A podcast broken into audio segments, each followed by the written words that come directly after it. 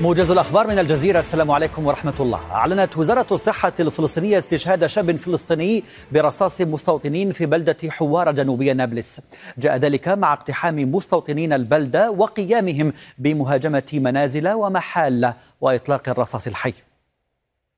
وكان جيش الاحتلال قال إنه قتل شابا فلسطينيا هاجم سيارة أحد المستوطنين في حواره بعد محاصرة منزل كان يتحصن به. إلى ذلك قال متحدث باسم مجلس الأمن القومي الأمريكي للجزيرة إن واشنطن تدين جميع أعمال العنف في الأراضي الفلسطينية وإسرائيل. وأضاف أن الولايات المتحدة تدعو إلى ضبط النفس وتهدئة التوترات. نقلت وكالة سانا عن وزارة الصحة السورية ارتفاع عدد قتلى الهجوم بالمسيرات على حفل تخرج ضباط في الكلية الحربية بمدينة حمص إلى 89 والإصابات إلى 277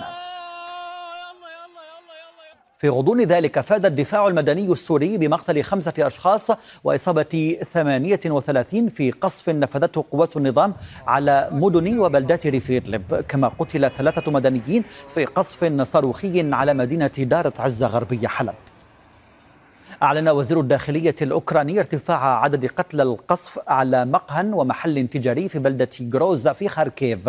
إلى 52 قال الجيش الأوكراني أن القوات الروسية قصفت البنية التحتية والموانئ في منطقة إسماعيل على نهر الدانوب ما أدى إلى تضرر مستودع للحبوب وعدد من الشاحنات.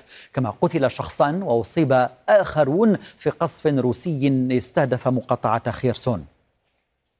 قال حاكم سيفاستوبول إن وحدات من أسطول البحر الأسود تصدت لهجوم بزورقين مسيرين.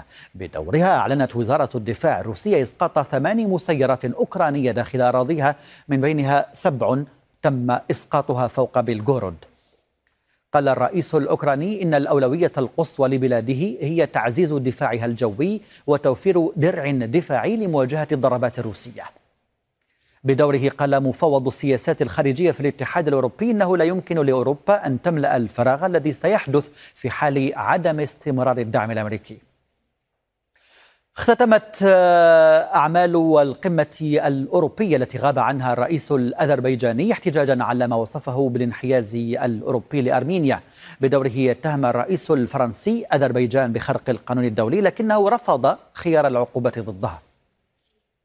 قال رئيس المجلس الأوروبي للجزيرة إنه سيدعو قادة أرمينيا وأذربيجان لاجتماع في بروكسل نهاية الشهر الجاري.